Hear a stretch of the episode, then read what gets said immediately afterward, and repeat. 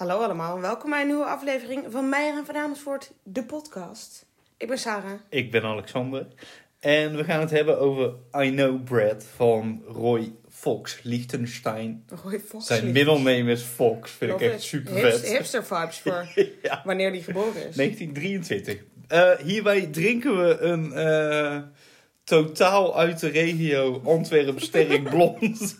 Totaal de regio van waar? New York? Ja. Sterk blond tea-infused. Tea-infused? Um, ja, tea-infused. Ik ben heel benieuwd. Uh, ik heb dit genomen. Ik zal wel even een foto op Instagram zetten vanwege het etiket. Want er staat zo'n pin-up girl op. En uh, zoals je misschien weet, of misschien ook niet, uh, Roy Liechtenstein die schildert veel vrouwen. Blonde vrouwen. En ja, dit is een blonde meid. Blonde, wat zijn meid? Een blonde meid. En klaar voor, voor het geluid? Ja. Goed geluid. Oh, die was wel beter dan die van jou. Ja. Dus het is fijn dat we hier een moment stilte voor wilden. Hij ruikt lekker. Ja, precies. Ik ben benieuwd naar de tea. niet Speel heel, de thee. heel goed onderzoeken. En daar zijn we ergens een keer op afgehaakt. Ja, Ja, dat daadwerkelijke drankonderzoek. Dan moeten we echt We doen nu af en toe gewoon wat ehm, kunstonderzoek. Ja, daar gaat het ook over. Tussen de bedrijven door. Maar gebrouwen volgens een uniek brouwprocedé met verregaande gisting en infusie van theebladen. Die het krachtige en sprankelende karakter van dit sterk blond bier versterken. Ik ben benieuwd. Ik heb heel veel schuim beschonken. Maar ik ga een poging doen om het te eh, proeven. Ik heb ook wel schuim. Maar...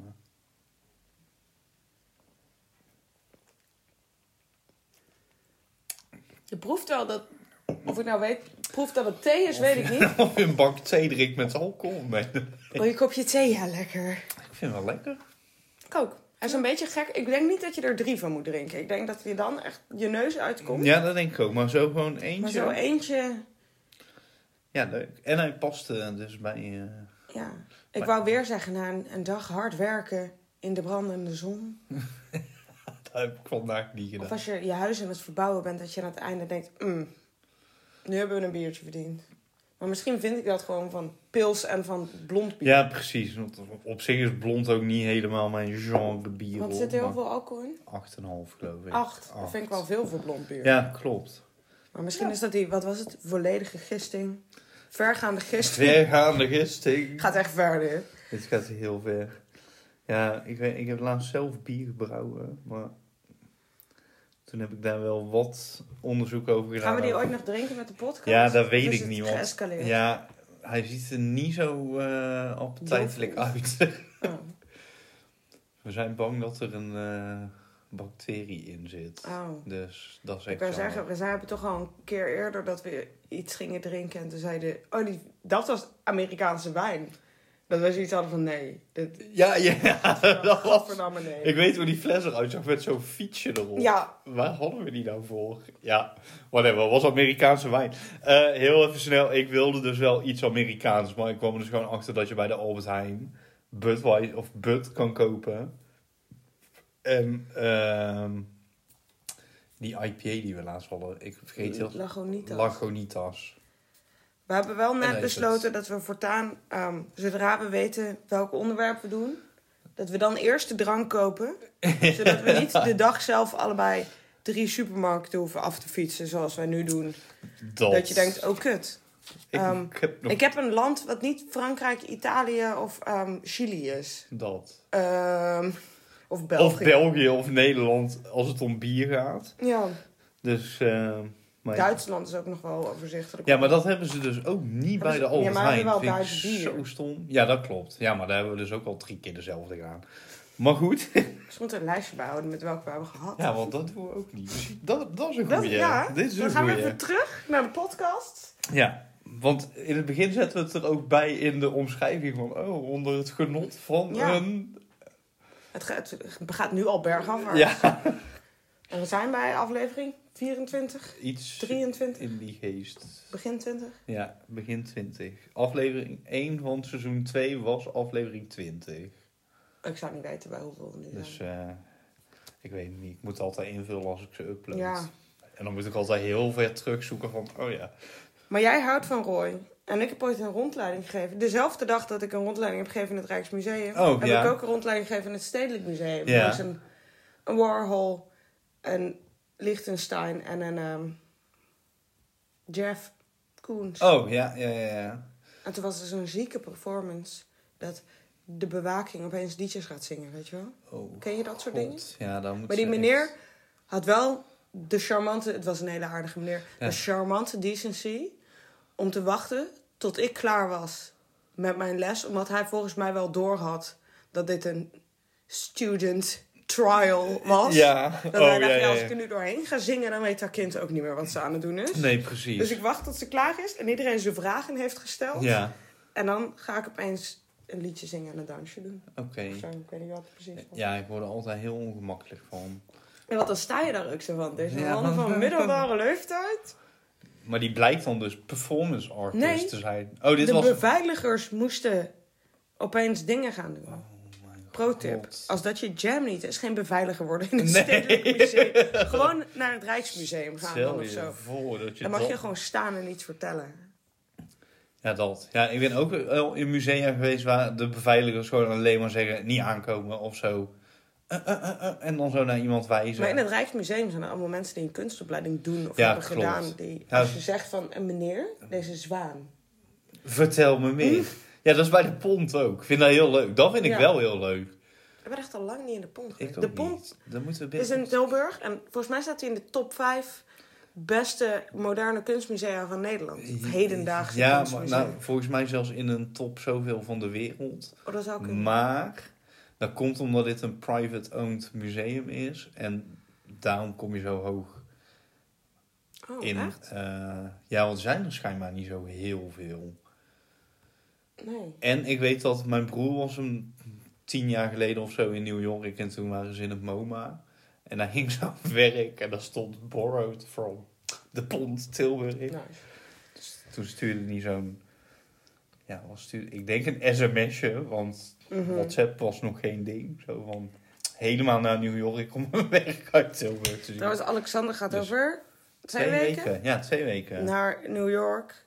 Maar in New York hangt fucking veel echt primetime ja, ja, ja. kunst. Maar ga je ook een beetje museren? We, ja, we willen naar het Guggenheim. Want jullie gaan een week, toch? Ja, we gaan een week. Ja, ruim een week, acht dagen.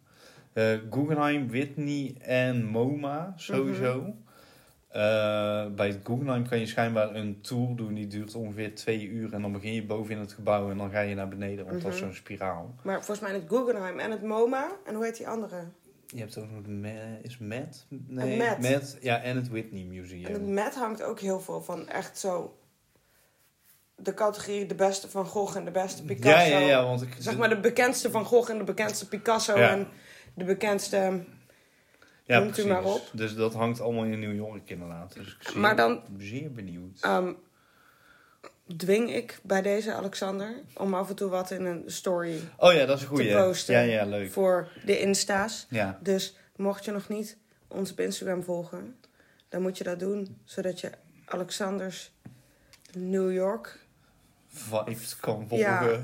En dan, ehm, ik ga binnenkort naar Frankrijk. Dus dan, misschien doe ik dan ook wel een museumpje aan. Ja, precies. Ik ben, ik ben in Londen ook echt in tien musea geweest. Helemaal niet over nagedacht Nee. om iets te storyen. een post-it op je hoofd. Ja, gewoon even een... een, een eh, ik heb een to-do-lijstje gemaakt, zeg maar. Met... Of je maakt een screensaver, zeg maar de achtergrond van je Oh ja, dat ik daar een post-it op doe. Even op de Insta. Ja, precies. Zoiets moet ik doen. Ik denk Even art op de Insta. Ik denk daar niet zo over na. Dat is wel een goeie. Dus eh, ja, het. Ja, oh ja, maar je kan voortaan widgets op je beginscherm doen. Ja, je kunt... Oh, nice. Komt helemaal Dat kan mijn goed. telefoon niet hoor. Jawel, jij hebt toch ook iOS? Eh, moet ik hem wel even updaten. Ik weet niet of dat... Waarschijnlijk gaat hij dan zo naar deze iOS is de nieuwe Oh ja, dat kan. Hou je Vol- bek. Volgens mij kan het voortaan. Dus, eh, Maar dat kun je, je kunt als beginscherm een ander scherm doen dan je achtergrond. ja, ja, ja. Kun je ja. gewoon, Dat kan ook. Daar kan je ook gewoon een plaatje van je notities eh, dat kan ook. neerpleuren. Ja. Komt helemaal goed. Maar, Ja. eh, Roy, Roy Fox Liechtenstein. Ik vind het echt mooi dat hij Fox heeft. Ja, ik ook. Ik kon dit niet in heel veel bronnen terugvinden. Ik weet ook niet of... Ik heb hier een boekje van Taschen. Ik weet niet of het daar... eh, want daar wordt dus echt alleen maar over Roy Liechtenstein gesproken. Maar ik vond het wel op meer dan alleen Wikipedia. Maar, ehm Is Roy ook zijn volledige voornaam? Ja. Of heet hij eigenlijk Roland? Nee, ja, volgens mij gewoon Roy. En dan ja, Roy Fox. Roland Fox Gerald. ja, zoiets. Foxtrot. Ehm Goeie Joodse achternaam ook wel. Liechtenstein. Vandaag en volgende week zijn we op de Joodse tour. Ja, precies. Eh, maar, in ieder geval. ja, hij eh, is... In principe werkte hij in eerste instantie in de reclame. Verbaast me zo weinig. Ja, precies. Toen is hij eh, docent geworden. Kunstdocent op verschillende universiteiten. En toen in eh, 1960 ontmoette hij Claes Oldenburg. Die we onder andere kennen van die bowlingpins in Eindhoven. Maar dat is echt wel een grote Ja. pop-art kunstenaar ook. Mhm. Die maakt heel veel van die blow-ups en zo. En op datzelfde moment ongeveer is hij dus begonnen met die stripverhaalachtige kunstwerken. Want wat hij daarvoor deed, was echt totaal anders eigenlijk. Hij maakte echt heel veel ander werk. Nou gaat heel dit boek volgens mij echt alleen maar over de... Oh, nou kijk. Dit soort... Ja, dit is ook al... Nee, dit is hem niet. Dit is een inspiratie. Het was anders. Ja, maar je ziet wel hoe wat hij later is gaan doen daar een soort van uitgekomen. Ja, precies. Want dit is ook... Want Dit je is, hebt wel de stippen en de strepen of zo. Die heeft hij wel ontha- onthouden. Dat heet eh, overigens eh, de Band-Day of Band-Day-techniek. Eh, en dat is een goedkope mechanische drukmethode die aan het einde van de 19e eeuw is ontwikkeld en genoemd is naar de uitvinder, de illustrator en drukker Benjamin Henry Day Jr. D. maar- Oh, D als een dag. Ja, dat is de achternaam. Ehm, en er zijn dus gewoon allemaal kleine gekleurde puntjes. En dan meestal in het CMYK-spectrum. De cyan, magenta, Cobalt. yellow en key. Key? Key is black, want de Oh. B kon ook voor blue staan. Oh. Dus eh, geel, magenta, cyaan en zwart. En die worden dicht bij elkaar geprint of verder uit elkaar gehaald om verschillende kleur... Mag eh, ik iets over stipjes gradaties. zeggen wat ik van de week geleerd heb? Ja. Waarvan ik dacht, wow. Jazeker. Een autoruit heeft zo'n zwarte rand en er zitten stipjes omheen. Mhm. Weet jij waarom dit Ja, is dat niet omdat ze die vanwege de lijm? Nee. Ja, het zwart is voor de lijm, zodat de lijm niet door de zon, zeg maar, afbreekt. Ja. Maar weet je waarom die stipjes daar zitten? Nee, ja, ik dacht dat het gewoon te maken had met dat ze het niet netjes Nee, omdat winter zwart heel heet wordt Ja. en glas niet, loopt het over zodat de temperatuur langzaam overgaat. Dan dus knapt je Oh, raam echt? om dat zwarte randje heen. Oh. Mind blown. Ja, oh, dat wist ik echt niet. Nou, Oh, ik dacht echt dat het Feit- te maken had dat ze dan lang gewoon een beetje zo lijm erop konden smeren. En, Ja. eh, nee, let's dus go. zodat het verschil tussen het zwarte randje en het glas zelf niet zo groot is, omdat het langzaam overloopt. oh, dat is best wel... eh, Ik vind, vond het een mooi weetje van de week. Ik, ja, weet Weetje van de week. Weetje van de week, ja. Ehm Liechtenstein haalde in de jaren 50 zijn artistieke onderwerpen vaak uit de mythologie en Amerikaanse en ook wel Europese geschiedenis en folklore. En hij schilderde die onderwerpen in de stijlen die een inbetoon waren aan eerdere kunst van de 18e eeuw tot aan het modernisme. Hij maakte dus ook wel werk geïnspireerd op Picasso bijvoorbeeld. En ik had hier wat voorbeelden opgeschreven. Weet je hoe geruststellend het is dat deze man in zijn 40s pas, eind 30, pas zijn, zijn vibe gevonden heeft? Ja, dat heeft best Zijn wel groove. ja, best een tijdje geduurd. Wel, eh. maar dat was met eh, die Oh. vorige Amerikaan ook, met Grant Hopper? Wood. Oh, en met Hopper ook. Zijn allemaal van die... Al die Amerikanen gaan eerst van ik ga in het leger en ik ga crack dealen. en dan word ik kindergarten teacher. En dan, ga, dan word ik kunstenaar. En dan was kunstenaar. Hij heeft inderdaad ook gediend. Vandaar denk ik ook wel die Europese eh, invloeden. Ja, want weet maar. je ook, mm, want in de Tweede Wereldoorlog dan, als Ja. een geboortejaar te zien, Mhm. weet je ook bij, bij wat voor iets die dan gelegerd heeft? Nou, hij deed iets grafisch in het leger, maar wel overseas. Fascinerend. Ik ga, Dus, dit, eh, ik ga dit googlen. Je kan het even googlen, hè. We hebben daar een, eh, Daar mooie... hebben we internet voor. mooie bel voor ook. Ehm, zijn nieuwe werk was zowel commentaar op de Amerikaanse populaire cultuur en een reactie op het recente succes van de abstract-expressionistische schilderkunst. Door bijvoorbeeld Jackson Pollock en eh, Willem de Koning. In plaats van abstracte, vaak onderwerploze doeken te schilderen, zoals... Wel een lelijke man, sorry. En dan, ja, hier heb je een foto van hem waar ik hem dan wel weer aandoenlijker uit vind. Ja, maar hier zo. vind ik eruit zien alsof, hij, alsof je je kinderen uit de buurt Het van zijn busje houdt. Echt inderdaad een creep op die foto. Ja, hè? Ja, klopt. Dat je denkt, nou, als ik een man in een kooltrui met dit haar in de buurt van een busje zie, dan steken we even over. Ja, precies. Ik vind dat hij hier een beetje lijkt op Kyle MacLachlan van Twin Peaks. En nog wel andere series en films. Maar eh ja, Liechtenstein nam dus zijn beelden rechtstreeks uit stripboeken en advertenties. In plaats van eh, zijn schilderproces en zijn eigen innerlijke emotionele, le- emotionele leven in zijn kunst te benadrukken, boostte hij zijn geleende bronnen na. Bootste hij zijn geleende bronnen na tot een onpersoonlijk ogend stencilproces dat de mechanische druk imiteerde dat werd gebruikt voor commerciële kunst. Dan mag Maar ik even inbreken. Ja, dan mag Ik je. heb nog een foto van de beste man gevonden. Als dit in je straat woont, verhuis je. Jezus, echt een griezel. Hoe, inderdaad. wie heeft deze leuke foto van deze man? Want Ja. hier heb je zoiets van, het lijkt me wel een aardige meneer. Maar Ja, alle precies. andere foto's heb ik zoiets van... van, de- hij lijkt hier aan... In Family Guy. Die Peter Oh, ja, Herbert. Herbert. Herbert. Wat ook een nazi is, toch? Vast wel. Maar hier staan er wel meer foto's achterin waar hij er allemaal best wel lief uitziet. of Ja. zo. Oh, hier Misschien staat ook gewoon een hele man- tijdlijn. Herrlich. Staat daar wel waar die... eh, Ja, die begint op 72. Even kijken hoor. 99. ik weet niet op een website. Militaire dienst in Engeland, Frankrijk, België en Duitsland. Natuurwerkingen met inkt, potloden en krijt. Verhuisd na de oorlog naar Parijs. Hij maakt tekeningen voor het leger. Ja, dat, dat had ik wel gezien inderdaad. vet. Want een of andere...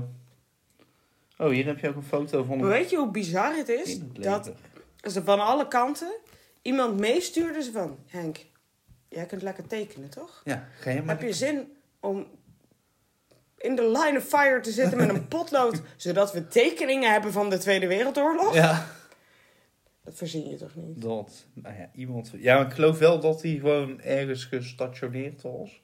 En dat een of andere sergeant of zo wist wie hij was. Hmm. Zoiets had ik wel eh, gelezen. Wat ik ook niet zo heel erg ehm, kon vinden, is hij was gewoon best wel snel populair met zijn Mhm. werk. En hij kon vrij vlug al exposeren. Ehm, in 51 al. En eh, hij was toen ontwerper, etaleur en docent, zeg maar. Dus dat, hoe die dan... Ik denk dat hij gewoon connecties had in de Maar hij kunstwereld. heeft niet alleen getekend. Hij ehm, heeft ook languages engineering en pilot training gedaan. Die gecanceld zijn. Ik weet niet of hij er niet capabel was of dat er Ja. iets anders niet doorging.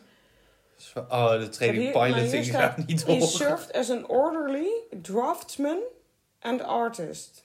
Een draftsman is volgens mij wel een daadwerkelijke legeractiviteit. Toch? Ja, weet ik niet zo goed. Ik ben daar niet helemaal, helemaal in thuis. Ik weet het niet. Maar ga verder. Eh,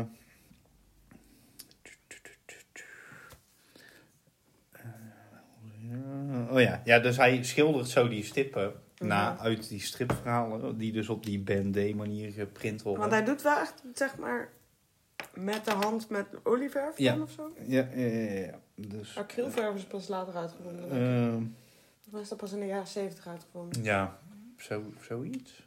Eind jaren 60? Ja, ik geloof het 70? wel. Maar in 64 schilderde hij dus I know Brad. Soms ook wel I know how you must feel Brad. En dat is dus deze blonde meid die op zo'n muurtje zit. En dan zo'n tekstbolkje erboven. Eh, de naam Brad, die vond hij gewoon heel heldhaftig klinken. Dus vandaar dat heel veel eh, van die vrouwen eh, refereren naar Brad. Want Hebben de vrouwen ook namen? Zoals eh, Candy. Ja, ehm ehm, Mm. Vicky. Lekker bezig. Sarah die slurpt tegen de halve schuim. Helemaal mis leeg lekker, joh. ja, eh, je hebt Brad en Vicky, zeg maar. Dat zijn Oh, ja. een beetje de... Het zijn wel van die Amerikaanse namen. Ja. Nancy of zo, dat soort dingen komt Mm. ook nog wel voorbij. Eh, de inspiratie is een frame uit een strip van Ted Galindo. Deze naam die kende ik verder niet, maar ik ging even googlen en die heeft gewoon wel echt heel veel strips gemaakt. En ook wel, Hoeveel tet zeg je erover? dus eh, ja, Dat dat, een frame uit zijn stripverhaal gewoon is opgeblazen. En toen dachten mensen, yes, miljoenen. Ja, dat, is dus, dat wordt niet verteld. Nee. Iemand heeft, dat iemand even moeten doen. Want er is dus wel, Ted is weggemoffeld. ja, er is dus wel een expositie geweest over, En dan ehm, kwam Ted. nou, nee, over de inspiratiebronnen, zeg maar. Nou weet ik niet of die hier ook in staan. Ik had hier een plaatje van. Want het is wel veranderd, maar je ziet wel echt... Het is niet dat je twee keer hoeft te kijken van... Oh, heeft hij daar nou daar vandaan gehaald? Nee, maar dat is net die Mickey Mouse. Ja, hier staat het Het neer. surft wel early Mickey Mouse, rare vibes, maar het is wel duidelijk Het Mickey is Mouse. duidelijk Mickey Mouse inderdaad. Ehm, nou ja, hij ging dus vanaf de jaren 60, vanaf 1960, kijk, toen hij dus Mhm. Claes Oldenburg ontmoette met die stripdingen aan de gang. Eh, het bekendste werk uit deze periode is Wham! Dat hangt in Tate Modern, dat is zo'n ontploffing. Mhm. Ehm, dat hij in 63 schilderde met behulp van een stripboekpaneel uit een uitgave van DC Comics All American Man of War als inspiratie. Eh, hij deed ook inderdaad Mickey Mouse, Donald Duck, Bugs maar ook heel veel vliegtuigen. Ja, want hij, dat komt dus vanwege maar daarom, zijn... ik dacht dat hij piloot was. Nou, dat komt dus wel door zijn oorlogsfascinatie. Ja, want ik dacht dat hij ehm, ehm, piloot was in de oorlog en dat hij daarom zoveel vliegtuigen deed. Maar hij heeft dus wel pilotentraining gehad, maar ik weet niet wat dat. dan de, de dealio is Hij vond het leuk om te met tekenen. Roy Fox. Ik denk dat het een beetje gewoon zo'n persoon was. Die Het dacht, heeft ik natuurlijk een ook wel instant tekenen. man vibes zonder dat het meteen oorlogstaferelen zijn. Ja. Als je zo duidelijk Tweede Wereldoorlog Amerikaans vliegtuig Ja, hebt. ja, ja, ja, dat is natuurlijk meteen sexy strong man Ja. vibes. Ja, inderdaad. Tegen het midden van de jaren 60 was hij landelijk bekend en erkend als leider in de pop-art-beweging, die ook Andy Warhol, James Rosenkist en Claes Oldenburg omvatte. Zijn kunst werd steeds populairder bij zowel verzamelaars als invloedrijke kunsthandelaren zoals Leo Castelli. Ik ken deze man verder niet, maar dat is zo'n galerijhouder. Mhm. Eh, die Liechtensteins werk liet zien eh, voor 30 jaar, zeg maar, lang in zijn galerij. Eh, net als veel pop-art veroorzaakte het debat over ideeën van originaliteit, consumentisme en de fijne lijn tussen beeldende kunst en entertainment. Oh, nou, dat is precies wat ik net helemaal heb aangekaart. Dat, ehm, Consumentisme is Ja. ook wel consumentisme, ja. Ik, maar ik vind het moeilijk, want het is wel knap wat hij doet. Want dit werk is dus eh, 174 bij 95 centimeter. Mhm. Dus echt wel een blow-up. Ja, Het, hij heeft wel een hele eh, vaste hand. Het is wel een inspiratie ergens vandaan gehaald. ja, en het is zeg maar ehm, ook die in het Stedelijk Museum hangt. Ik weet niet hoe die heet. Er zit volgens mij ook vliegtuigen in. Ja, er zijn heel veel met vliegtuigen. Maar ehm, zeg maar, als je een stripboek open doet, is het niet zo indrukwekkend. Omdat het ook in een context van een verhaal zit. ja. Maar als je zo'n, dat doe ik is echt zo drie bij één of zo. ja, precies. Dat is echt ja, een reusachtig die werk. Wham is ook heel groot. Maar die, ehm, je moet er meteen naar kijken. En iets eraan, omdat het zo plastisch oogt, Ja, wil je ook van dichtbij kijken of je kunt zien dat het met de hand geschilderd is. Ja, Want dat- ta- Tapte hij dingen af of is dit echt gewoon Ehm dan wordt het ook potloodlijntjes ingekleurd? echt verteld. Ik denk dat. Ik denk dat eerlijk Het lijkt me heel rustgevend. Ook zou je doodzenuwachtig van worden. Oh, ik zou er helemaal zijn van worden. Ja, maar het is echt precies. Ja, Het is geen eh Kusama van zet overal leuke stippeltjes op. daar en- word ik heel warm van, van echt precies. Ja, ik Dat is eh, mijn, niet. dit is mijn ding. Ik ben een lomp eh, persoon. Dom, lomp, dom en famous. dat. Maar dan een andere volgorde, toch? Dom, Dom, lomp en famous. Ik ben dom, lomp en famous. Dat. Tegen het eind van de jaren 60 stopte hij met het gebruik van stripboeken. Daar was hij gewoon een beetje klaar mee. Eh, in de jaren 70 richtte hij zich op het maken van schilderijen die verwezen naar de kunst van meesters uit de vroege 20e eeuw, zoals Picasso, Matisse en Dali. En in de jaren 80 en 90 schilderde hij ook best veel afbeeldingen van interieurs. En die zijn er dus echt heel veel. Hij heeft heel Ja, veel hedendaagse Ik heb helemaal geen beeld bij wat Roy dan... interieuren. Ik heb het idee dat Roy zeg maar één keer een... Oh ja, die ken ik wel. Dit, ja, er zijn ook best wel... Ja, maar dat is wel de, eh, heel erg dezelfde vibe, Ja, zeg maar. ja, en hier heb je er bijvoorbeeld eentje, die heet Atelier Kijk Mickey.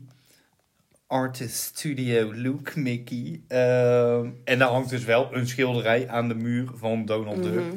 Wat daadwerkelijk een schilderij is van Ik denk hem. dat ik deze wel het vetst vind. Ja, die dat is ook zo'n, vet. ehm, zo'n oldtimey schrift met zo'n zwart-wit gevlekte kaft met zo'n Ja, zo gemarmerd. zo'n soort, ja, gemarmerd met zo'n etiket erop. Maar die is, hoe groot is die? 1,72 bij 1,42, dus die is best reusachtig. Ja. Vind ik ook heel Amerikaans zo'n schrift. Ik had vroeger zo'n schrift, maar dan een groene. Ik Ja, oh ja, dat kan ook gebeurd in het is, is groen echt een inderdaad. pareltje. Ja. Maar dat soort dingen, zeg maar van die... Want het is geen hyperrealisme. Ook dit schrift niet, zeg maar. Nee, nee, maar nee. het is gewoon Het is een... iets heel alledaags, Ja, heel groot maken. ja. Waardoor het raar is of zo. Ja, maar ja, ik hou daar wel van. Ik Ik, vind wel. dat wel heel nice. Ehm, hij ging ook wel in die tijd eh, beeldhouwwerken maken. Dus er staan ook best veel, eh, gewoon overal in de wereld. Ik geloof in Barcelona en in Amsterdam staat ook iets. Gewoon kunst, ja, hoe zeg je daar? Oh, Ja, beeldhouwwerken. Driedimensionaal werk. Driedimensionaal werk, dankjewel.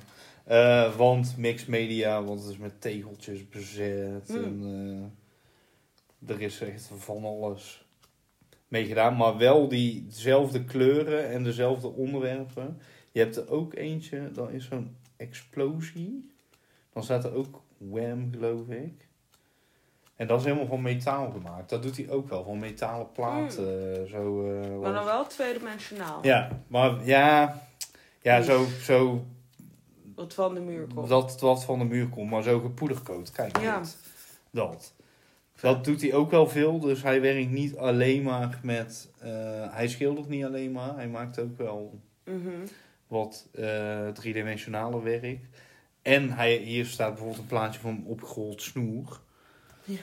Dat doet hij ook veel. Ook stofzuigers en eh, ik vond er eentje van een frituurpan. Ja, die vind ik En, denk ik het leukst. Van die niks zeggende dingen die hij dan zo uitvergroot en eh, Ja, goed bekeken heeft. ja, precies. En ze dan toch heel erg in die strip... ehm, hoe noem je dat? Dat hij het geminimaliseerd heeft tot de essentie Ja. of zo. Zeg maar zonder schaduwen, behalve de eventuele stipjes.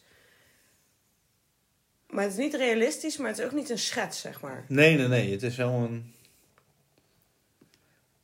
Ja, af, words. afproduct of zo. Ja, maar zo... ehm, net als dat ehm,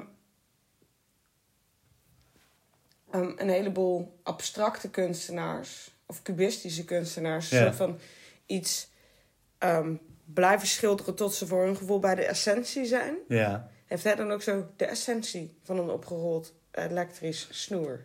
Of zo. ja, precies. Ja, maar ik... Ja. Maar Alsof het zo'n heel- reclameadvertentie Ja, is. ja, met, ja. Wilt, u, wilt u snoer? Hier heb je snoer. Dit is een snoer. Maar hij komt ook uit die wereld. Dus ik snap is- wel... Maar ik vind het leuk dat je dat terug kunt zien. Dat hij die... ehm, dat dat toch ergens aan de strijkstok is blijven hangen. Een soort van directheid. Dat is het misschien. Ja, Het precies. is heel direct. Ja, ja, ja. ja. Ja, dat. Wat hij trouwens uit wilde beelden is eh, met heel die stripfiguren een beetje het. eh, eh, een parodie maken op de uiting van emoties. Mhm. Want die vrouwen die zijn allemaal zo heel melancholisch en. Van, Oh, Brad, Waarom was je weg? ik kan niet leven zonder jou, weet je wel, dat. Dat soort dingen. Wipes single tear.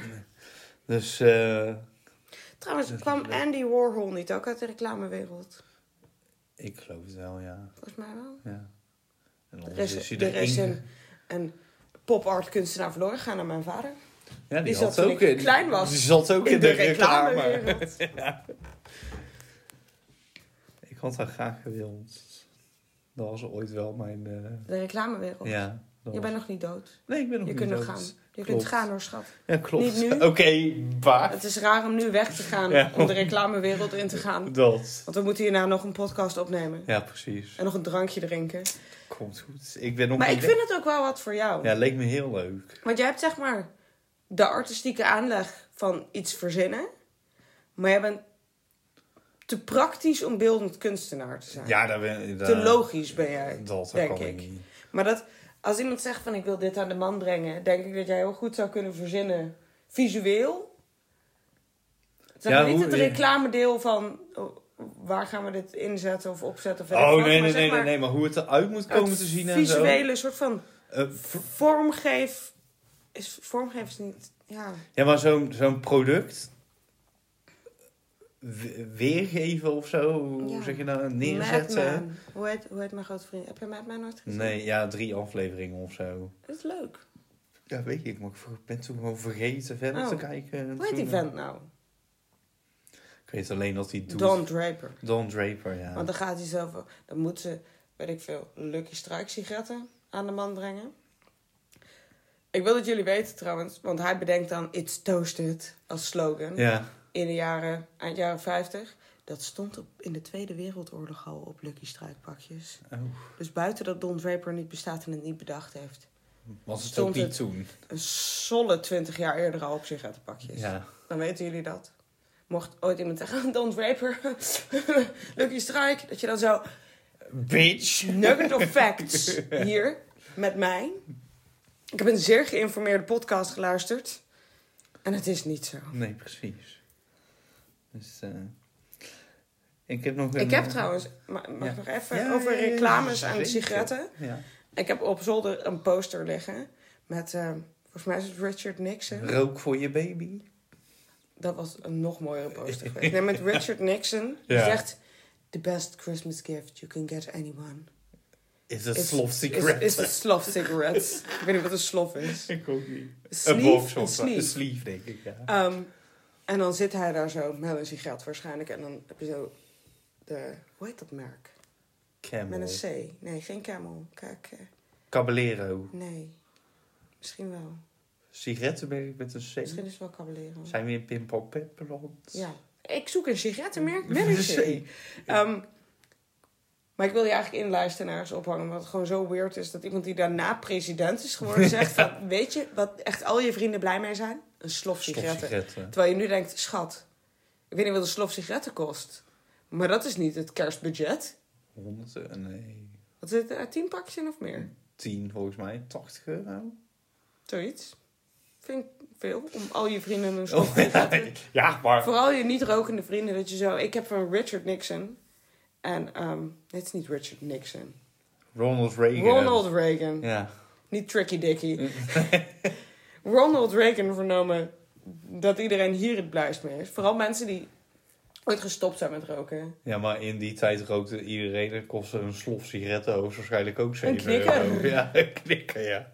Kon je bij de 7 zorgverzekering... euro, 7 euro. Ik denk, Zeven- Een dollar. 7 euro. Kon je bij de, bij de zorgverzekering opgeven. Kon je declareren. ik rook. En dan zeiden ze, oh nou, dan sturen we u een slok Ja. voor kerst. Precies. Mevrouw. Bent u zwanger? Wilt u roken? Terwijl, tijdens de bevalling, terwijl de hartchirurg ook aan het roken is. Snap. Waarom die bij je bevalling is. Misschien is het de vader van het kind. Ja, zou zo Anders is het raar dat de hartchirurg bij de bevalling is. Ja, die kwam gewoon even kijken. Hij schat! Nee, anders hoe is het- hoe gaat het Ik dacht, ik kom even een checkie doen. Wat leg je lekker te drukken Gaat hij hier? lekker tagen? Weet je wel of het een, eh, een jongen is of dat we de weg doen? Moet wel check lachen. Ja, dat Oh, dat kan ik niet. heel erg. Nee. Niet aan mij besteed. Eh, misschien moeten we een secundaire podcast beginnen wat onze comedy show is. Over reclames from the olden days. Ja, precies. Nee, we vangen dat, vouwen dat hier gewoon tussendoor. Twee podcasts. Die andere podcast slaat dan ook helemaal nergens op. Dus. Nee, nee, nee, nee. Mijn zusje vertelde mij dat zij een hekel heeft een podcast. Die meer een gesprek zijn waar mensen lol hebben. Want ze hield van echt journalistieke podcast. Oh nee, dat weet ik ik zei, ja nee, dan doe maar niet eens Dan, opzoeken. dan hoeft maar niet te luisteren. Ik hoef geen feedback, dankjewel. Want het is... Vandaag zei ik dat tegen iemand. 40% kunstgeschiedenis. En de rest is gewoon. Maar dat is hoe wij het graag hebben. Maar blijkbaar vinden mensen het ook leuk Ik om hou naar te van, ook luisteren. van true crime podcasts waar afgedwaald wordt naar mensen hun liefdesleven. Ik Ja, vond- dat soort ik dingen. maak me ook zorgen over je. Dat van deze murder scene dat je afdwaalt naar je date, je Tinder date van vorige week. Maar vertel me alles over je Ja, laat het weten. I'm here for it. Precies. Dus. Maar goed, die reclame. Ja, dat ik heb ook wel eerst een opleiding gedaan. Standwinkel decor ontwerp. Dat is toch wel net een andere tak van sport. Ja, maar dat is wel die commerciële inslag. We deden daar wel... Ik moest Maar ik denk Dat je ontwerpen. beter in de jaren 50, 60, 70, 80, 90 misschien ook nog. Maar dat het nu, kan ik me voorstellen, mocht er iemand in de reclame zitten, dat het echt zo'n um, algoritme, ehm, Ja, computersystemen, wat willen de mensen, als het paars is, kopen ze dan meer dan als het groen is. ja zo, zo, Shit, zeg maar dat alle creativiteit eruit geberedeneerd is. ja, dat vind ik niet leuk. Kan ik me voorstellen. Ik, wij moesten een keer ook op de opleiding zo'n fotoshoot doen van een voorwerp voor een zelfgekozen magazine. We hadden een hele andere opdracht voor dit, ongeveer hetzelfde. Oh, ja, toen had ik, zo, had ik een zonnebril gekozen, zeg maar, voor zo'n heel flashy, eh, Mhm. ik weet niet meer. Ja, Harper's. Bazaar of Vogue of weet ik veel, zoiets. Zo'n Mhm. zo'n modetijdschrift, dat vind ik super leuk om te doen. Maar toen was er ook een duidelijke opdracht, want waar ik altijd op faalde, zeg maar, daar was, doe maar iets. Mhm. We willen je creatieve proces zien. Nou, de, onze fotoopdracht, die denk ik uit dezelfde hoek stamt, Ja, was je moest een tijdschrift kiezen. ja. En dan wat voor, moest je bedenken wat voor opdracht dit tijdschrift jou zou kunnen geven voor een fotoshoot. Oh ja, misschien is dat hetzelfde. Ik denk het wel. Misschien was het zoiets. Want ik had ehm de National Geographic. Ja. En toen ging ik toevallig naar Venetië. En toen ging ik foto's van Venetië maken waar geen mensen op staan. Oh. Zeg maar de niet touristy Venetië. Je kunt wel heel duidelijk zien dat het Venetië is. En Ja, ja, kleur, ja. water. En Venetië heeft een hele specifieke bouwstijl. Ja. Omdat het Italië meets het Byzantijnse Rijk. Want Venetië heeft ooit bij het Byzantijnse Rijk gehoord. Ja. Dus het heeft ehm, een beetje, ik wou Oosters zeggen. Het zijn meer Arabische Ja. invloeden.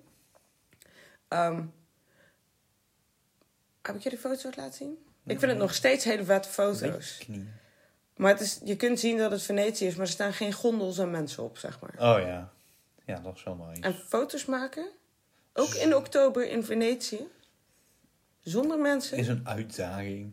je doet de uitdaging. Ja, precies. Oplossing voor ieder probleem. Nou, dat is niet helemaal waar. Ik wil zeggen, op lange sluitertijd zetten. Maar omdat het water natuurlijk beweegt, wordt het dan fuzzy. Ja, precies. Maar het zijn echt vette foto's. Ik zal ze een keer laten La, zien. laat ze een keer zien. Ja. En de kleur van het water in Venetië is gewoon zalig. Ja, dat is ook specifiek. Ja. Dat. Ik ben al lang niet meer geweest in Venetië. Maar er is maar een heel klein stukje van Venetië waar het pleuris druk is. De rest... Ja, zo wonen gewoon mensen. San. Ja, het is een beetje alsof je in Amsterdam De op de Dam staat. Of eh, in... eh in, eh, hoe heet de winkelstraat van Amsterdam? Of niet de winkelstraat, eh De da Damrak.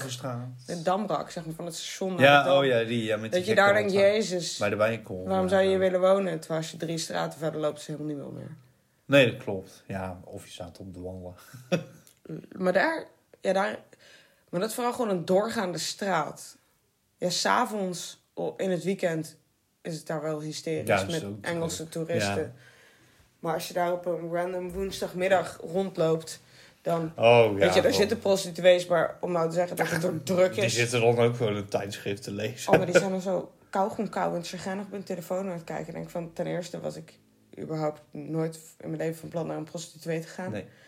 Ten tweede ehm, voel ik me verre van seksueel aangetrokken tot vrouwen. Maar mochten deze beide dingen anders zijn, zou ik nog Niet steeds niet denken van ik zal er eens even, ik weet niet wat een prostituee kost, 100 euro tegenaan klappen om het daarmee te doen. Nee, nee, nee, nee. nee. Met een chagrijnige, kauwgomkauwende, waarschijnlijk gehuman trafficked persoon. Ja, precies. Nou, daarom is het chagrijnig. Die vanmorgen al vier keer is volgeblaft. Ja, Ja. ja sorry. Ik Bedankt voor deze beeldspraak. digress. We gaan even terug naar eh, Roy Fox. Liechtenstein. Eh, hij trouwde twee keer. Hij en zijn eerste vrouw Isabel, met wie hij trouwde in 49 en gescheiden in 67, hadden twee zonen, David en Mitchell. Eh, en hij huwde Dorothy Hes- Hertzka in 68. Nou, dat was een jaar daarna. Ik wou zeggen. Eh, Hij, hij, zag haar en hij zei, vrouw 1, hoe heet de vrouw 1? Isabel. Isabel. Ehm, This is Dorothy. Baba. En toen is hij hem geboekt. Dan. Of, of ehm, het was al twee jaar eigenlijk klaar voordat ze gescheiden zijn. Ja, dat kan ook nog, want ik denk in die tijd scheiden was wel een ding. Ja, dan moest je een reden ook hebben. in Amerika. En weet ik veel wat. want ik weet dat mijn Vroeger moest je een reden hebben om te scheiden. ja, mijn opa en oma zijn in 1964 gescheiden. En dat Wat een was, hipsters. ja, nou, dan, eh, dan, ze zijn ondertussen dood, maar daar werd mijn oma voor. Want mijn opa die vertrok naar Duitsland. Daarom zijn ze ook gescheiden. Die was daar muzikant en zo en eh, Hmm, vrijgevochten boy. dat. Maar De weg is wel, moest je eh, toen een reden hebben? Als in dat iemand Ja, weet, overspel... weet niet, werd wel, zeg maar, Of dat je verwaarloosd in, in wordt. de nek aangekeken. Dat je verwaarloosd werd was ook een optie. Nee, misschien was dat Hoe je bewijst dat je verwaarloosd wordt is een vraag Ja, dat weet ik ook niet. voorbij. Ik weet niet. Ik weet niet heel de geschiedenis, maar, hij zijn... was altijd weg in business aan het doen in Duitsland. Ja, Niks invullen voor je opa, maar dat, die vibe krijg ik als je in de jaren 60 muzikant bent. Dan wordt er gewipt, toch? ja dat, weet, dat weet ik oprecht niet. Hij heeft ook wel echt singeltjes uitgebracht en zo. Hij was zo'n slagermuzikant. Ja. Dit is echt geen De beste kennis die ik in tijden over iemand heb opgedaan. Ja, dit is echt waar. Jongens, Alexander stamt af van een slagermuzikant. Maar wel gewoon een Nederlander. Dat is de grap. nee. Maar hij maakte, hij maakte echt wel van die muziek. Ik, Want- ik stam af van een um, buitenechtelijk kind waarvan mijn vader denkt dat de vader van dit kind ehm, de zoon van de kasteelheer was Mhm. om de hoek. Ik denk, Nou, ik, Ehm, ik stam al van een slagermuziek. ik denk dat ehm, er gewoon een of andere sectie Fransoos of Italiaan toevallig wat de fuck die in Dalfse kwamen doen is dan een volgende vraag Ja. in het leven. Maar er kan maar een. Dit is 1848. Was het toen fitting met iemand? Niet nog met Frankrijk? Nee, ik denk dat dat toen wel een beetje klaar was. Misschien was er eentje blijven plakken. Die is een keertje. Dus je bent eigenlijk eh, van Franse Nou, adel. ik heb mijn vader gisteren overtuigd om een ancestry ding te gaan doen. Oh ja, dat lijkt me ook Want best ik dacht, wel leuk. ik kan het wel doen. Maar dan weet ik niet van welke kant het komt. Ja. Als mijn ouders er allebei eentje doen, ja, dan weet jij van welke kant wat komt. dan weet ik op. Want ehm, daar, hadden wij, daar had ik het gisteren met mijn ouders over. Ik heb donkerbruine ogen. Mijn vader heeft lichtbruine ogen. Ja. Mijn oma had lichtbruine ogen. En de vader van mijn oma had ook donkerbruine ogen. Ja. Dat is het kind van het buitenechtelijke kind. Ah. Ehm, en verder heeft iedereen. Nou, trouwens, volgens mij heeft de zus van mijn vader ook lichtbruine, Ja. hezelige ogen. Verder heeft iedereen van allebei de kanten in mijn familie blauwe ogen. Dus ik zei van misschien dat er gewoon een of andere sectie Italiaan, Ja, dan. Fransoos, Spanjaard Ja, of... ehm, langs is komen. Het kan ook gewoon. Maar is het niet gewoon het Joodse wat erin zit, zeg maar? Nou, als er iemand Joods zou zijn, zou dat mijn opa zijn. Ja, oké. Wel van deze oma, zeg Ja. maar. M- Maar daar komen de bruine ogen niet vandaan. Ja, maar die hebben we ook wel vaak toch wel Maar het ding is, normaal zijn... ehm, maar iedereen heeft wel donker haar in mijn familie. Oh. Donker haar met blauwe ogen. Oh. Maar ehm, het kan ook, zeg maar Noord-Europeanen zijn er in heel veel kleurcombo's. Ja, maar mijn ja. vader en ik, als je ons in de zon legt, worden we echt... Tien minuten en je bent... Zwaar eh, bruin. Gebakken. Terwijl alle blauwogen, Ja, die verbranden, zeg rood. maar.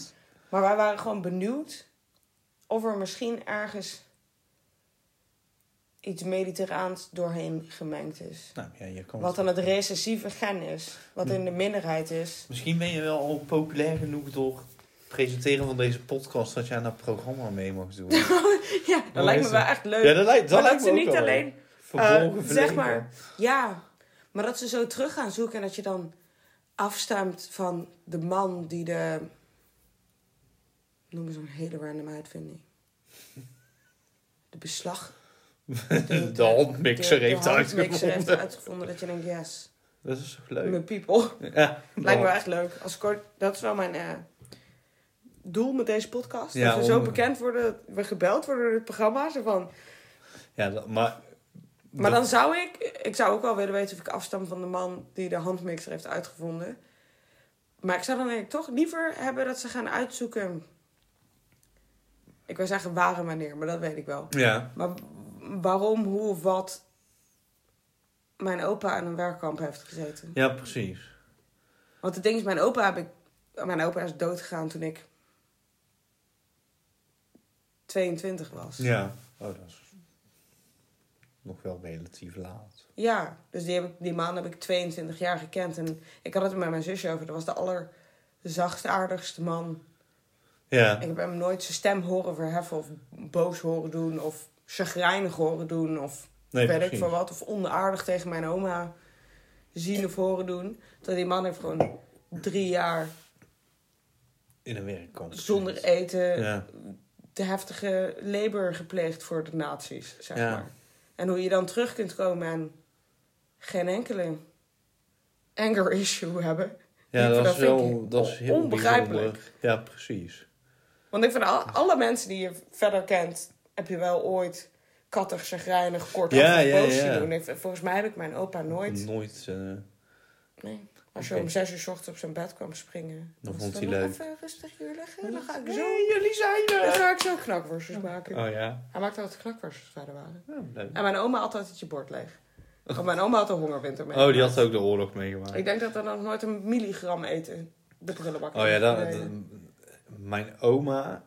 Die We zitten we weer bij de Tweede Ja, Wereldoorlog. we zitten weer bij de de tweede oorlog. keer deze aflevering. Maar mijn vader, die, eh, die is een beetje... Mijn oma, die eh, heeft een bom op zich gekregen in de oorlog. Een Ja, dat fosforbom. hebben we wel eens verteld. Dus die heeft best wel heftig de oorlog meegemaakt. Maar bijvoorbeeld als wij thuis vroeger hagelslag als beleg hadden op brood... Dan moest je daar nog net niet boven Mhm. het pak terugschudden.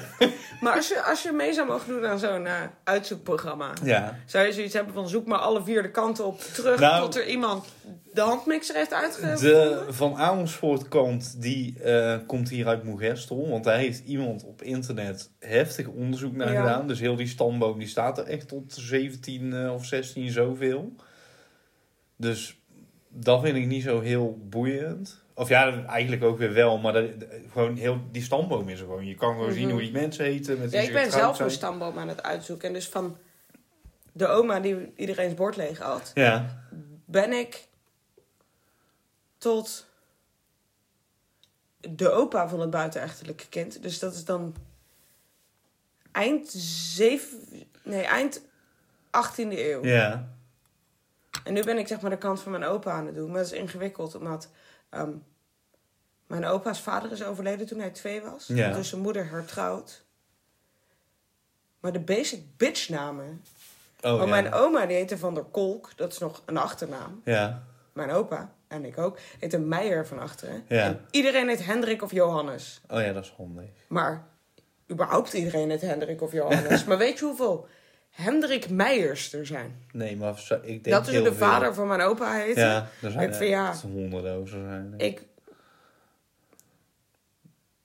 ik heb uiteindelijk gevonden hoe oud hij was toen hij doodging. En ik wist in welk jaar hij dood was gegaan. Dus heb ik wel kunnen reconstrueren welke dat dan was. Maar voorbij hem ben ik niet gekomen. Want ehm, Zijn broer, vader en zus heet ook Hendrik. ja, mijn oma heette Hendrika. Oh ja. Haar roepnaam Riek. Haar ouders heten Hendrik en Hendrika. En Oh. mijn oma had een zus. En die heette en heette Hendrik. ja. Henny. Oh, ja, maar die heette eigenlijk ook Ik denk Hendrika. dat die ook Hendrika heet. Ja. Ik weet niet wat voor recycle vibes dit zijn. Ik vind het helemaal prima. Ja. Mijn opa Maar- en oma die heten Jo, Jo en Joke. Om nog één keer terug te Ja, komen ja. op de Tweede Wereldoorlog. Ja. Henny was zuster in Arnhem tijdens de Tweede Wereldoorlog. Oh. Spannend. Toen heeft ze TBC opgelopen. en Toen is ze in de jaren zeventig doodgegaan. Ongetrouwd, want dan ben je uitgerangeerd natuurlijk. Heeft het wel lang volgehouden, maar wel sad. Ik heb haar Pussy album. Oh. Daar staan zo eerst kinderen, zeg maar, van ouders en broers en zussen. Ja. En het eindigt met medepatiënten. ja. je mag je niet. We hadden eigenlijk gewoon een Tweede Wereldoorlog podcast moeten beginnen. Ja, kunnen we ook nog... eh, daar kunnen we wel een uitweiding naar maken. Ja, dat doen we iedere aflevering. Ja, precies. Even een Tweede Wereldoorlog intermezzo zo met de meiden. Tweede Wereldoorlog bulletin in de podcast. Ja. Eh, maar eh, wat ik nog wel... Nog twee dingen over... Oh als, ja, we mijn, over als ze mijn verleden uitzoeken... Nee, daar kom ik zo nog even op.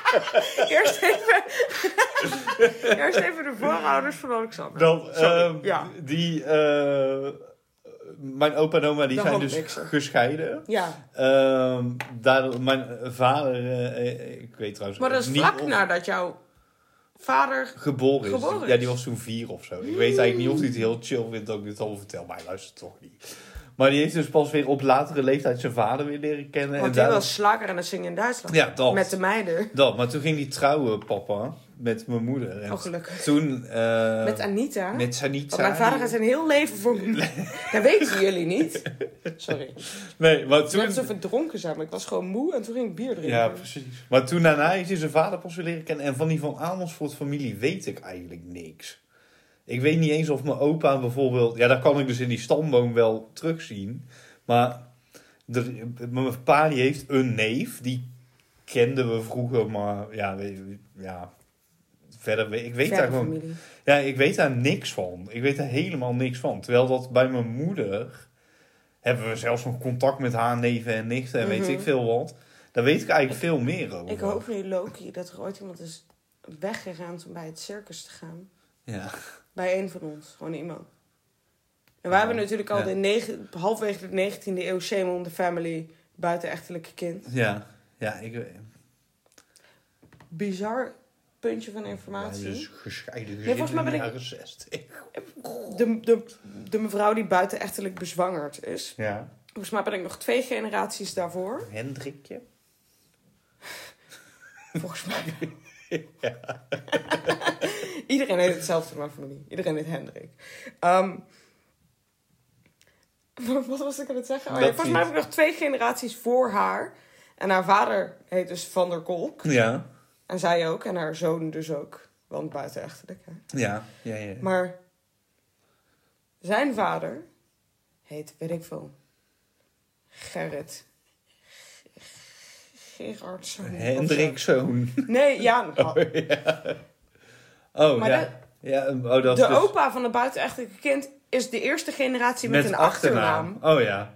En toen dacht ik, oh ja, Napoleon. Maar dat je denkt van, ja was toen- gewoon van, zij zijn van die boerderij van Van, eh, van, van de Kolk. En dan heet je opeens zo. Ja, dat, zo gaat dat. Amersfoort is van Amervoert. Dat is ook een sloot, toch? Ja, dat is een We sloot hebben met... gewoon slootmaterial. En een voert is een bedding. Dus als de Oh. bedding bij de rivier de Amer, die voortaan de Reuzel heet. Oh, Dus, Dus je heeft niks ook met Amersfoort te maken. Reuzeldam kunnen heten. Ja, zoiets. Of uh, uh, Ik heb ook-. Ik heb ook geleerd dat ehm Meijer is een Nederlandse achternaam. Ja. En ehm, mensen die zo genoemd werden, kwamen de belasting in. Dus ik wil Oh. bij deze mijn excuses aanbieden namens de Belastingdienst. Om, om de traditie van Mark Rutte voor te zetten en je excuses aan te bieden. Voor dingen waar je weinig tot niks aan kan doen. Nou, weet je, ik vind het bij. van dat je het afkeurt dat het land het ooit gedaan. Nu worden we heel politiek. Ja, dat klopt. Eh, Dat je het afkeurt dat Nederland als land dat ooit gedaan heeft, vind ik helemaal goed. Eens. Hele, ja, ja, maar ja. ik vind het. Maar ik vind het Maar gewoon- misschien dat ik het probleem niet zozeer heb met dat je dan zegt, oh, laten we dat nooit meer doen. Maar je excuses aanbieden zijn voor iets waar je spijt van hebt. Er hoeft ook echt geen random Duitser uit Leipzig naar mij toe te komen en te zeggen van... Hey, sorry voor wat Nee, ja. wij je... Denk van, je was er niet bij, ik was er niet bij. Dat. Een Duitser heeft mijn opa iets aangedaan. Ja. En Misschien dan- wel meerdere Duitsers. Waarschijnlijk. Ehm, maar ik denk van, ik neem dat geen enkele Duitser kwalijk. En ook geen enkele Duitser... Hoeft daar zeker. En Duitsland hoeft zijn excuses er ook niet voor aan te bieden. Nee. Hebben ze dat eigenlijk gedaan? Oostenrijk, weet ik niet. Want, kijk, er zijn natuurlijk nog Ik wel dat mensen die de oorlog meegemaakt hebben nu. Niet veel meer. Nee, maar die zijn er nog wel. Ja, maar dat is zeg maar... ehm, Maar ook dat je als land, zeg maar, ehm, ziet dat je als land fucked up dingen hebt gedaan. En hardop zegt... Oh, die erkenning vind ik wel heel... ja, de eh, erkenning zo van... ehm, dat nooit meer, ben ik helemaal voor. ja. Maar... Ik vind het raar om namens... een groep mensen... of een volk of een land... ja. je excuses aan een. Als nageslacht van mensen die iets dat- gedaan hebben, je excuses te gaan aanbieden aan. En nageslacht dan die Want van- meemaakt. Misschien moeten wij ons daar dan schuldig over voelen. Maar misschien dat als we nog twee generaties verder die stamboom uitzoeken, komt iedereen uit Duitsland. Ja, dat kan En- goed. En dan waren wij het niet. Nee, ja, dan... Vinden we het dan minder kut? Nee. Nee, ja. En we moeten gewoon lief zijn voor elkaar. En ik vind ook. Laatste politieke statement van deze podcast. Ja, is goed. Dan gaan we nog even naar de dood van Roy Lichtenstein. Maar dat. ehm, zeg maar. Ik vind niet dat je mensen cultureel moet appropriëren. nee. Maar ik vind dat er ook nog ergens een variant is wat waardering is voor de schoonheid van iemands cultuur. Ja, maar dat vind ik zo moeilijk. eh, Maar het is een heel moeilijk grijs gebied. Ja, Maar ehm,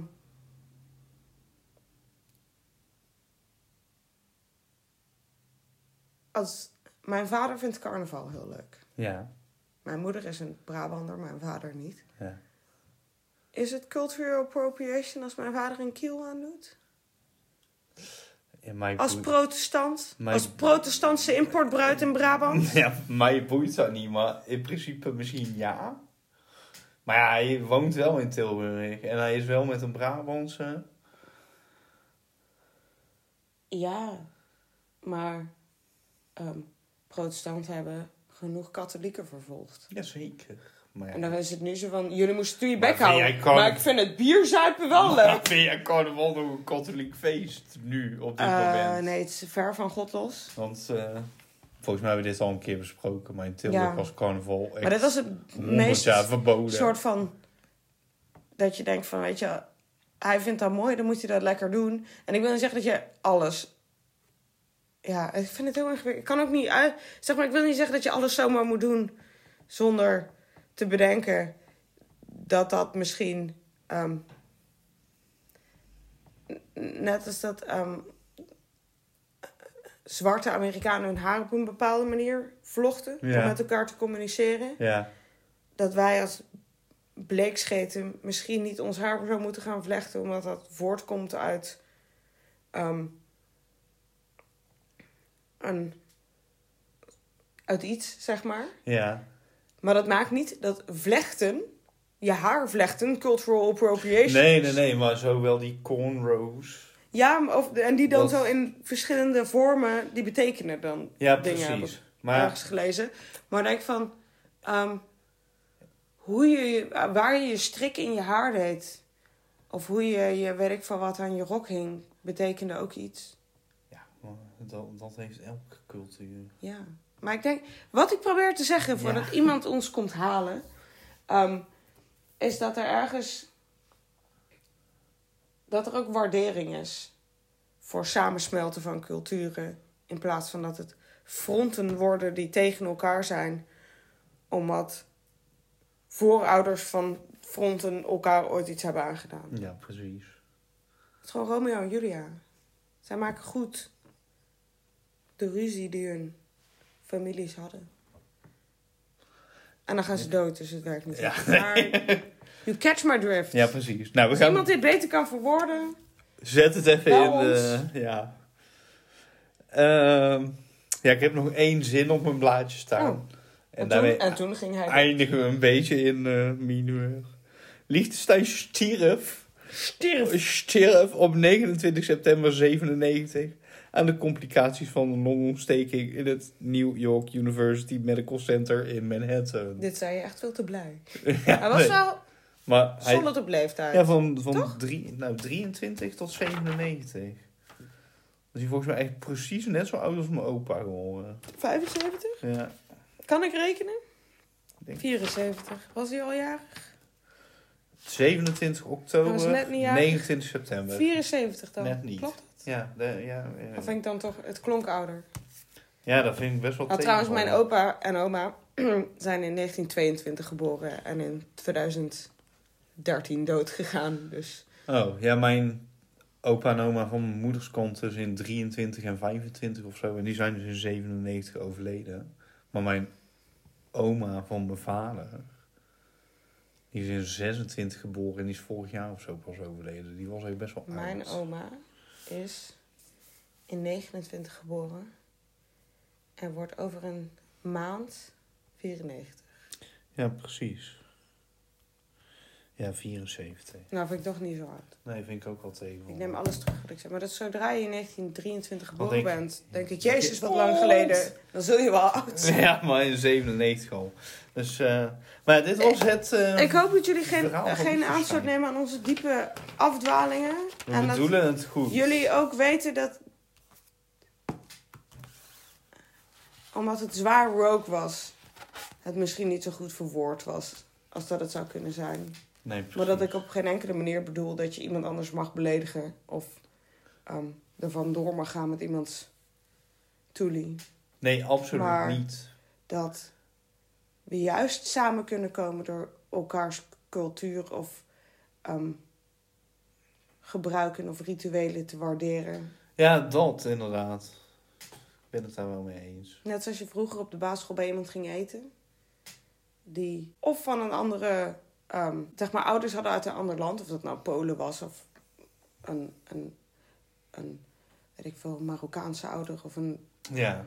een, een van origine Afrikaanse ouder. Of terwijl wij in een nieuwbouwwijk wonen, mensen die op een boerderij woonden.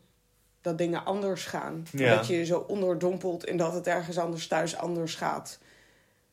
En niet denkt, oh, dit is anders, dit is maar- stom. Maar dat je denkt, oh, Oh, dit is ook leuk. Zou ik de volgende keer mijn borst maar beter leeg eten? Want de yoghurt gaat op het bord. Ja, oh ja, oh mijn god. Nee, maar dat is wat ik ermee bedoelde. Dat openstaan voor hoe andere mensen dingen anders doen of bedoelen of zich kleden of uiten beter werkt dan zeggen nee, dit is, dit is van jullie en dit is van ons. Ja. En dat wil niet zeggen dat je met je dinnetjes op vrijgezellenfeest naar de... Het heet tegenwoordig de Pride, toch? Ja, de Pride, want het is niet meer alleen voor de gays. Nee, daar waren mensen ook boos over. Ja, vind ik ook heel raar. Maar Maar ik wil ook nog even... Nog één willen we deze discussie ook nog gaan Nee, voeren? Ehm, ik was eh, een keer, in, volgens mij was het een documentaire over. Oh, dat was een true crime podcast. Over dat er in de gay scene in New York Ja. is er ooit iemand vermoord en in een zak bewaard in een kast. Het was heel macaber. Oké. Maar ehm, dat in een gay bar dat ehm, drag queens Ja, en wat toen nog travestieten genoemd werden, ik weet niet ja. hoe we die nu noemen, maar dat die daar geweerd werden Mhm. omdat dit de gay bar was. En daar moest ik een Oh, beetje ja. aan denken, Ja, zeg maar, maar- met het pride-ding. denk ik van, Ik vind ook wel die... ik weet het niet, ik die, vind het ingewikkeld. Heel die letters uit de LHBT... Oh, maar die vlag is echt hysterisch nu. Plus. Te veel letters, te veel kleuren. Maar het zijn wel allemaal een beetje dezelfde soort minderheden of zo. Dit klinkt heel Ja. negatief, maar ik heb dan zoiets van steun elkaar al in plaats Ja, van te zeggen dat. van... Oh, ik ben gay en ik vind dat ik er meer recht op heb dan iemand die transgender is. Ja, Dat, ja want zeg maar als dat- dan dat- iemand die gay is zegt van... Ja, maar je kiest ervoor om transgender te zijn. Ja, dat zeiden ze niet. 50 jaar geleden Ja, ook over jou. Ja. Ja, en ik denk 30 jaar geleden ook nog. toen had je aids gemaakt. Ja. Dus als je nou gewoon even chillpil pakt... en gewoon met z'n allen gewoon, weet ik veel... bubbelwijn op een boot gaat drinken... Maar wat ik wou zeggen, dat het misschien niet heel charmant is om voordat je met Henk gaat trouwen met je vrijgezelle mokkelfeest naar de Pride te gaan, te lekker dansen met homo's. Dat vind ik ook niet helemaal charmant gepast. Maar als je daarheen gaat als Ella, weet je, als ik tegen jou zeg van ik heb dit weekend nog iets leuks gedaan, Alexander. Ik ben naar de Pride geweest. Ga je niet zo van, nou wat... Ik ben nooit geweigerd in een gaybar omdat ik hetero was. Toen dacht ik ook, dit is precies niet hoe de wereld zou moeten nee, zijn. nee, precies. En toen dacht ik, ten eerste, hoe weet jij dat? Ten tweede, Zuigt aan je aura? mag je de gaybar niet in als je hetero bent? Weet ik niet. Ik, Ik snap dat als je met een roedel met knokgraag ogende mannen aankomt, dat ze zeggen van, ehm, we zijn vol. Ja, dit gaat hem niet worden. Meiden? Meiden. Nee. Maar als ik met iemand die homo is meega naar de gaybar, word ik, mag ik daar niet mee? Moet die dan in zijn eentje? Ja, die moet Altijd in je eentje naar de gaybar, want al je vrienden zijn hetero. Ja, ik weet Doei! Het. Ik weet het niet. Ik weet het, maar ik, het was heel raar. Ja. Dat je daar zo wegloopt en voornamelijk in de war bent. Dan denk ik van, Zei je dit nou ben ik nou gediscrimineerd op mijn seksuele geaardheid? Henk? Overigens wel de enige keer in mijn leven dat ik gediscrimineerd ben op mijn, ben op mijn seksuele geaardheid. Oh. Ja, ik eh, ben daar wel vaker op Dat is mijn straight privilege. Ja, dat is mijn gay eh, niet privilege. Ik heb daar gelukkig wel weinig Maar er heeft ook een keer een bejaarde tegen mij gezegd dat het niet geeft dat ik een Joodse naam heb. Dat ik- het, zou, het zou godverdomme wat zijn als het wel zou geven, mevrouw. Mevrouw Himmler of zo? Ja, deze persoon met Goebbels, z'n ik weet het niet. Stadtelfrubbel.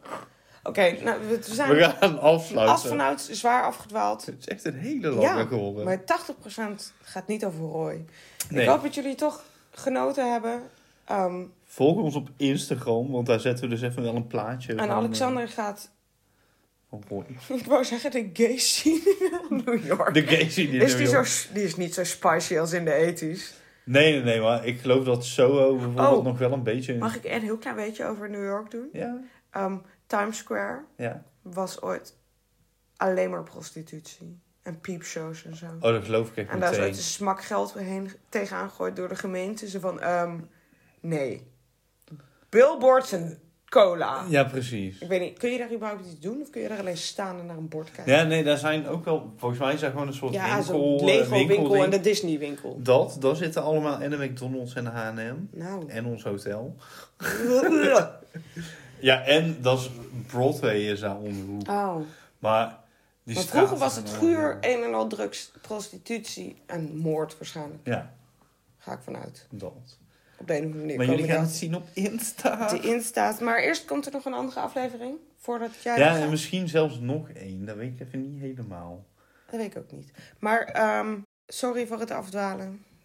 Laat het ons weten als je het leuk vindt als we afdwalen. En eh, dan zien wij jullie en horen jullie ons volgende week weer. Doei!